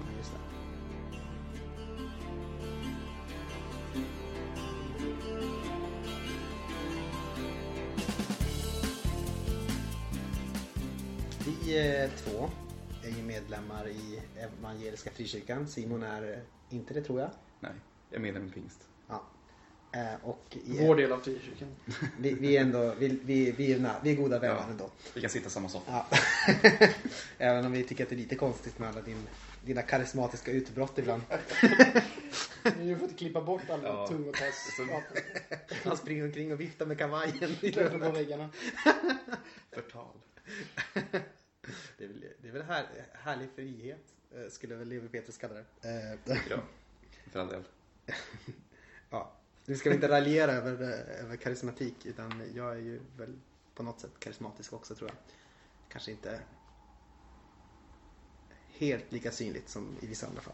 Men hur som helst. Eh, det var inte det vi skulle prata om.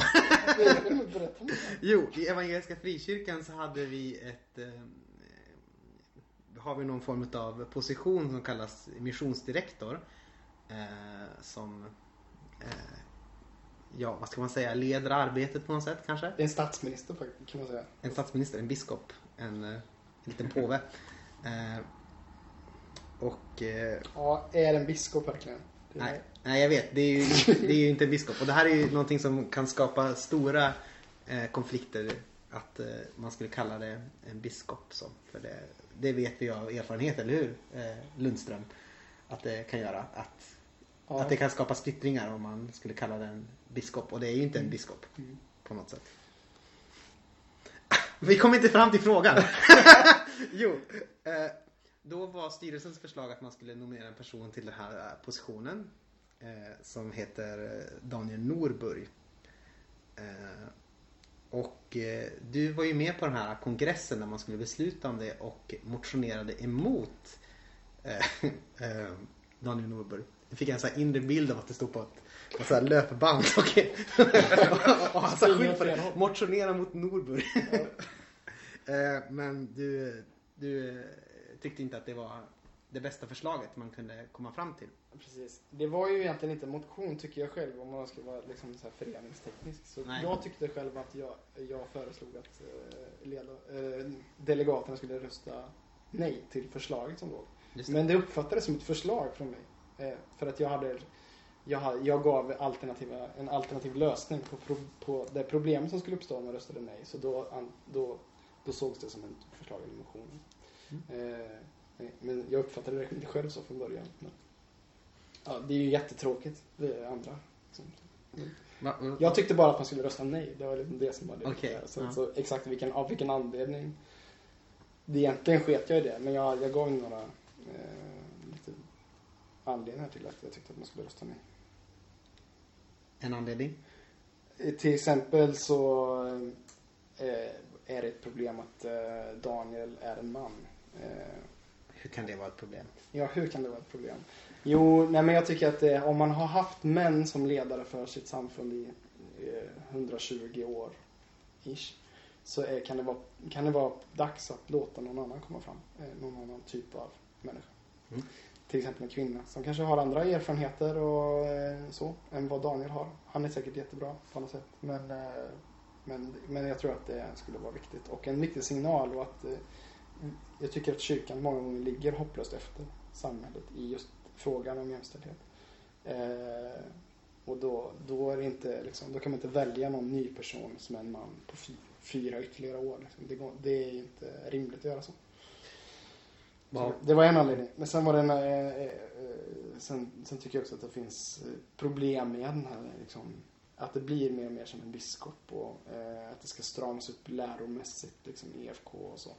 Eh, och då tycker jag att det kan vara bra att ha olika personer. Att man skulle ha en del, ett eh, kollektivt ledarskap som har kanske lite, kommer från lite olika sidor eller så i rörelsen.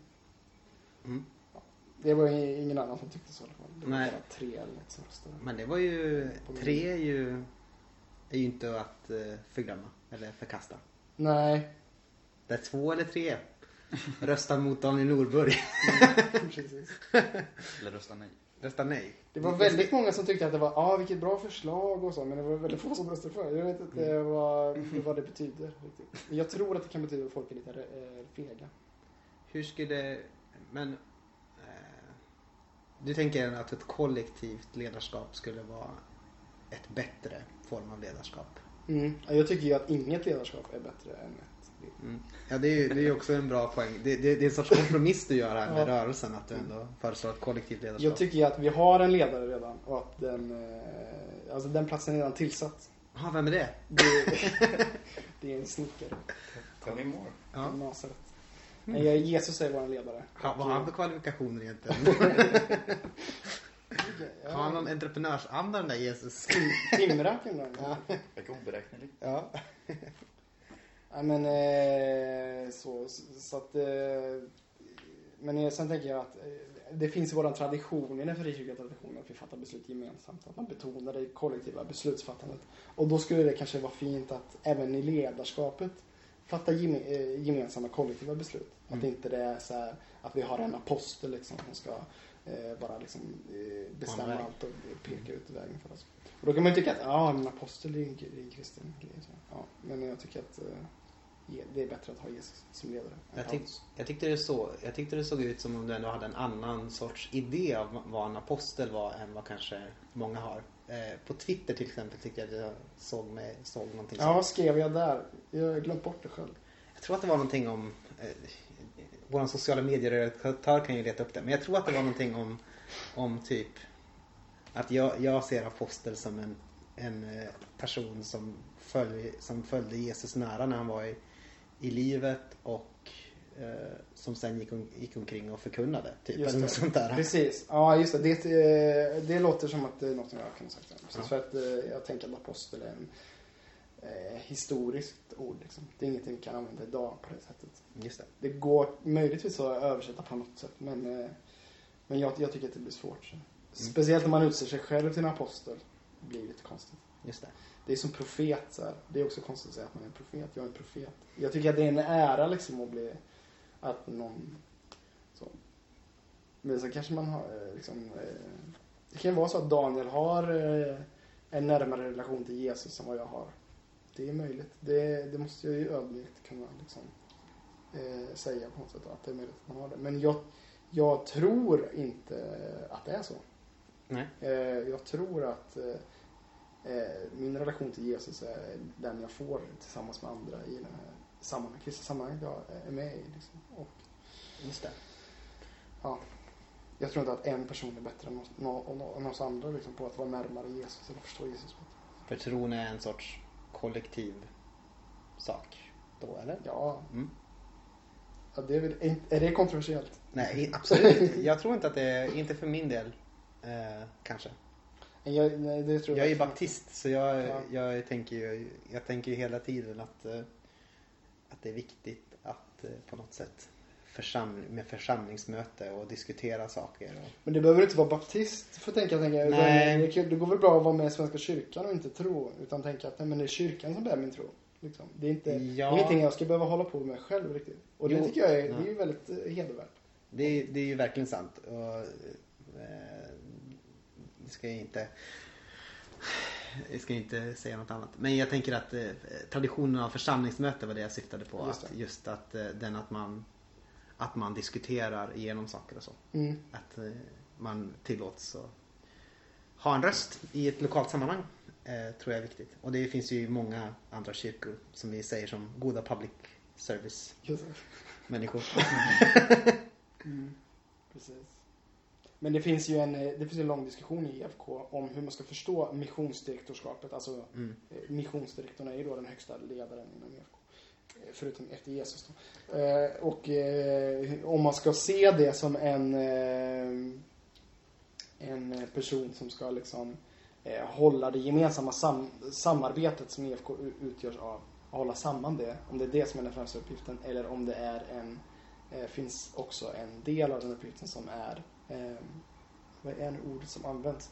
Exekutiv eller Nej, inte exekutiv utan utan eh, herd, herde, alltså det finns en herdeaspekt av det. Mhm. Att det, det finns ett herdeskap och i, i, jag antar att det är kristna som lyssnar på det här. Men eh, att, eh, att man är då är också i lärofrågor och så. Att det finns en, alltså det finns en, en liten, liten biskop i Daniel Norberg. Tycker, ty, det finns en sån, en sån aspekt, liksom en sån drag i EK. Mm. Och eh, i, i eh, eh, tro och självförståelsedokumentet som är EFKs som är viktigaste dokument, tycker jag och många med mig, Mm. så, är det, så finns liksom båda aspekterna med för att man kommer inte överens, eh, har jag förstått. Va, vilken betoning man skulle luta åt. Mm. Skulle det vara att hederskapsbetonade, som var en tradition som var ganska stark i eh, Helgelseförbundet som är ett av de samfund som Jag stammar från det. Mm. som du stammar från. Mm. Där, där, där jag, eh, så här har jag förstått det. Där det var en starkare aspekt. Eller eh, den mer samordnade aspekten som kanske var mer eh, framträdande i, i Örebromissionen som var den andra stora spelaren i IFK. Fribaptisterna, ingen som bryr sig om. Eh, så har det alltid varit. De fick ju... De brydde väl inte om sig, sig om, om sig själva ens. Det var väl det som, det var väl därför de. De dog. Det är därför de blev så litet inflytande på kanske. Eh, ja, nej men precis. Och, Jag tycker inte vi ska ha någon biskop. du, du gillar, du, du vill inte ha en biskop. Absolut inte. Jag, det tycker Men om jag. det är en väldigt, väldigt bra biskop då? Nej. Ja, eh, jag har ju hellre en bra biskop än en dålig biskop. Eh, Men eh, såklart, så är det ju. Men, men jag tycker inte vi ska ha en biskop. Men det, det var inte så länge sedan vi hade ett kollektivt ledarskap inom den nybildade evangeliska frikyrkan. Nej. Men då var det för dig tre män då och det kanske inte du skulle vara helt... Nej, Inte, inte i det här läget skulle du vilja ha tre män. det var ju innan min tid också så jag kan Ja. inte säga så mycket om det och Nej. den erfarenheten. Eh, Det var innan min tid i EFK. Mm. Och jag var bara ett barn då. Sen, Mm. så. Så även jag, i Ja. högre grad ett barnbarn. Eh, men eh, precis. Men det är väl klart att det är bättre att ha fler. Eller det, det, jag, det, men det, alltså, det tycker jag är... Du lägger orden i munnen på oss. Ja, men uppenbarligen tyckte inte de andra 356 eh, liksom delegaterna på Man kanske inte vill ställa till med bråk. Nej. tänker jag och så en representerar man ju sin Ja. församling också. Så man är ju försiktig med, och det tycker jag är helt rätt också, att man är försiktig med att så här, ändra sin åsikt. Alltså om församlingen har skickat dit den för att liksom rösta ja till förslaget som ligger och sen så Mm. kommer det någon, någon, eh, någon, någon liksom anarkist liksom, från eh, Örebro och liksom kommer med några bra idé så ska man ändå inte rösta på det tycker jag. Mm. Utan att eh, konsultera sin församling. Jag tycker att man är där i, eh, som sin församling. Jag är svårt för representantskapet i- överlag. Jag tycker att vi skulle ha di- direktdemokrati i EFK. Men, eh, men jag förstår ju också den idén om att församlingen, församlingen är, som enhet är viktig. Men påminner det inte lite grann om det här uh, EF, det sättet som EFK styrs på? Om en sorts anarkistisk idé egentligen om, uh, om de här uh, community of commu- vad heter det? Commune of communities. En federation Ja. Precis. Jo, men och, och, och jag tycker att federationstanken är bra, men där, då måste man också vara väldigt försiktig med hur ledars, liksom, ledarskapet ser ut. Kanske man egentligen inte ska ha ett så tydligt ledarskap, utan att det, det vi gör i IFK gemensamt är ju att, att samordna våra resurser. Till exempel arrangerar vi frizon gemensamt eh, i Mm. Evangeliska Frikyrkan, eh, en festival som jag har jobbat med. Och eh, det är någonting som en, en liten församling i Finneröd till exempel inte skulle kunna arrangera själv. Jag tror inte. Eh, och eh, därför gör vi det tillsammans. Vi samordnar våra resurser och ser till att det, det blir av. Liksom. Men det betyder inte att frizon är, utgör ledarskapet eller så för rörelsen. Utan det är någonting, det är en gemensam, någon gemen, vi vill ha en bra festival liksom. Och det är härligt att vi vill ha det. Så, och det finns ju också andra aspekter av utlandsmission som man kallar det. Eller, eh, eller stöd till eh, anställda eller så. Och, och, och det tycker jag, det är det som EFK är främst. Och absolut ska vara främst. Och inte, ska inte vara ett läroorgan liksom, som, eh, som säger så här ska ni tro om helvetet. Eller vi tycker si och så om homosexuella relationer. Du tror att det är risken med den här mer apostoliska eh, betoningen på missionsdirektorn skulle kunna vara en väg till större fyrkantsevangelikalism kanske? Ja, och på sikt splittring. Ja. Okej. Mm. För jag tror att en, en stor del av samfundet vill ha det. vill ha ett tydligt ledarskap som, eh, som pekar med hela handen och säger så här tror vi. Mm. Det vill en del ha, men det finns också en stor del av samhället som absolut inte vill ha det och som är väldigt, som är, är väldigt känsliga teologiskt. Både teologiskt och liksom praktiskt för en sån. Så det skulle innebära bara att det spricker. Just det. Och det är inte, det behöver inte vara dåligt. Jag tycker att det är bra med saker som spricker. Men jag tycker inte att, jag tror inte att det, det måste behöva spricka. Kanske. Just det. Du eh, har ju du har skrivit ett kapitel i, i en antologi om feminism också. Inte bara anarkism. Mm. Eh, Vill du säga någonting om det eller kommer du ihåg någonting av det du skrev? Ja, det handlar ganska mycket om att män inte ska ta så mycket plats. Okej. Och här sitter vi, tre män. Okej, okej, vi, vi går vidare. Ja. Nej, men det, det är någonting jag försöker säga, jag försöker säga eh, när så fort jag får ordet i de, den frågan. Men eh, ja, det, det är ju också ångestladdat eftersom jag ju själv tar ganska mycket plats och så. Men det kanske är för att, alltså jag säger det för att jag vet att jag själv behöver arbeta med det. Att jag tar mycket plats i rum. Så att det är något sätt att eh, hålla dig själv tillbaka också. Ja, kanske. Men den, eh, i den texten jag skrev så kopplar jag i alla fall ihop våld, våld och eh, att ta plats. Att de hänger ihop. Mäns våld eh, och eh, att män har, tar så mycket plats på något sätt. Det, det, de är besläktade med varandra. Liksom. Mm. Och att liksom den kristna visionen om, är en vision bortom manligheten, bortom staten i i anarkistisk bemärkelse, bortom manligheten i feministisk bemärkelse. Vi, eh, det är ju ett slitet citat, men liksom att vi inte är, längre är män och kvinnor. Eh, från, som Paulus sa. Eh, och jag, men jag tänker att det, det är ju våran vision. Det är ju det är våran queer utopia liksom. eh, så. Jättekul. Ehm, just det. Men det är ju andra som skriver den boken också mycket smartare. Ja. Det finns ju definitivt. Det är Lina Mattebo som har redigerat det va? Exakt. Hon, hon ska kanske skriva upp på... Jag undrar om jag skrivit Ja, upp henne henne, hon är ju väldigt bra. på... Borde vi skriva upp på gästlistan? Mm. Ehm, ska vi... eh, Just det. Vi kan ju, vi kan ju ha en sån här avslutande eh, fråga kanske. Och vi kan ju, då frågar jag så här. Vem är Jesus Kristus? Kan du berätta vem han är? Jag vill inte använda ordet för dig, för det är Nej. lite för, lite för slitet och dåligt. Ja. Det är ju det, det är tur att den frågan kommer på slutet för att det är lätt att döma ut någon. eh, Speciellt om man är lite så här eh, teologiskt skolad så dömer man ut folk på svaret. Mm. Men Jesus eh, för mig är ju i första hand en förebild. Och jag vet att det, sätt, många placerar mig i ett visst fack när jag säger så. Att jag liksom misskrediterar Jesus Kristus som liksom ordet som Gud har sänt. Eh, och det gör jag inte. Alltså det är ju, Jesus är ju också centrum i min tro och eh, så som jag förstår Gud. Liksom.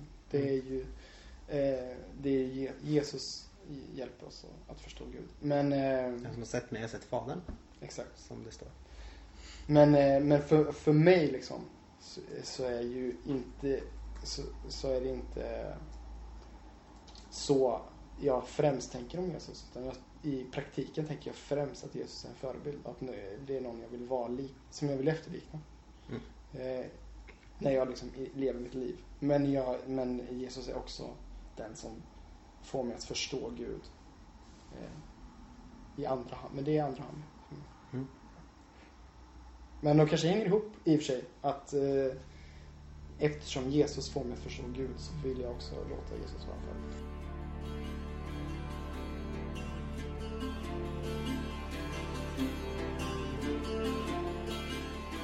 Jag tänkte också på mm, ett, ett bra poddavslut det brukar vara att man frågar Vill du rekommendera en gäst som vi kan bjuda in Mm. till den här trevliga podden?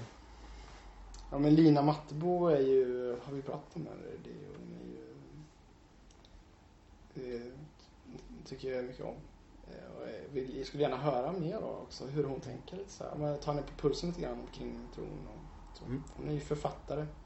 Hon har skrivit två egna böcker, så då är man ju författare. Och sen har hon ju varit redaktör, redaktör många gånger och skribent. Hon är... Hon är spännande, tycker jag. Så att jag är med Lina. Mycket bra. Har hon, har hon något att tillägga? Nej.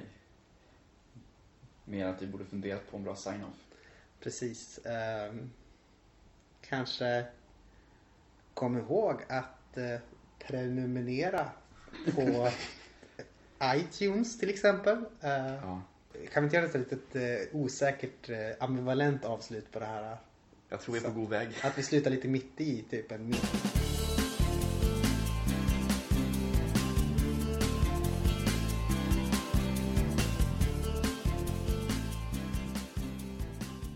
Sådär. Det var alltså vårt samtal med Thomas Lundström. Men eh, jag är nyfiken på, Anton, vad, vad är dina tankar nu efter det här, ja, ett par timmarna vi spenderat med Thomas? Får se hur långt det blev här men. Ja, det, det, först måste man ju säga att Thomas är ju en otroligt eh, sympatisk person och jag hoppas att det går igenom eh, er lyssningsapparat. Att han är en väldigt sympatisk person som är väldigt lätt att prata med och det, det avspeglar sig också på hur längden vi pratar med honom. Eh, det jag tycker att eh, var väldigt intressant. Mm. Det var väldigt mycket som var intressant eh, och väldigt intressant person. Men något som jag särskilt tyckte var intressant var när han pratade om, om eskatologi och sånt där. Eh, Mm. Det här med att eh, på något sätt den här lill- lilla ambivalensen då för vad innebär det egentligen när, när riket kommer. Och det är kanske någonting som man kan diskutera vidare på. Kan jag tänka. Eh, Sen så tyckte jag det var intressant att han hade en sån väldigt bred definition av, av vad eh, kristen är. Jo men det får man nog säga. Ja. Och det, jag kanske inte personligen skulle skriva under på, på den men eh, han det lyfter ju ändå fram en, en, en, en viktig poäng av kanske inte av att stänga dörren för snabbt för folk. Mm. Eller vad tänker du? Ja. Nej men han har ju rätt i att mångt och mycket så är ju eh, tron upp till en själv var man står. Och man kan, man kan ju inte veta rakt igenom var hur någon annan människa står i tron. Så det får man göra men det hur det är för brett eller inte, det är en, en annan sak. Mm. Ja, precis. Uh, ja, i övrigt så måste jag väl säga att jag tror, tycker att det är en Thomas är en väldigt viktig röst i, eh, i våran del av frikyrkan ändå. Mm. Eller? Yes. Vår del av frikyrkan som vi återkommer till. Precis, och det känns eh, roligt att ha en röst som kan vara lite utmanande och vrida och vända på definitionerna lite grann. Verkligen så. Mm. Och det kanske man behöver en litet anarkistiskt temperament för att våga göra, eller vad tror du? Ja, nej, men det är välkommet tycker jag. Det är en, eh, det är en väldigt, eh, ja men jag tycker det är en rik brunn att häva ur på något vis. Mm. Det är så mycket gott, här, mycket gott att hämta. Mm. Ja, vi kanske ska, vi rundar av där helt enkelt. Det gör vi. Och eh, lyssna gärna mer på våran, på det som kommer komma på den här podcasten. Eh, Ja, kom gärna med respons på hur du tycker, eh, jag vet inte, formatet, förslag på gäster, vad helst ni kommer att tänka på. vi har ju en, en mailadress då. Aten och Jerusalem. Aten, eh, A-T-E-N. At gmail.com. Som man kan skicka. Precis. Och övrigt, om när det här kommer upp på iTunes så får ni gärna pre- prenumerera och andra sådana bra aktiviteter. Mm. Det ser vi fram emot. Kul, nu är det igång. Hej då! Vi hörs.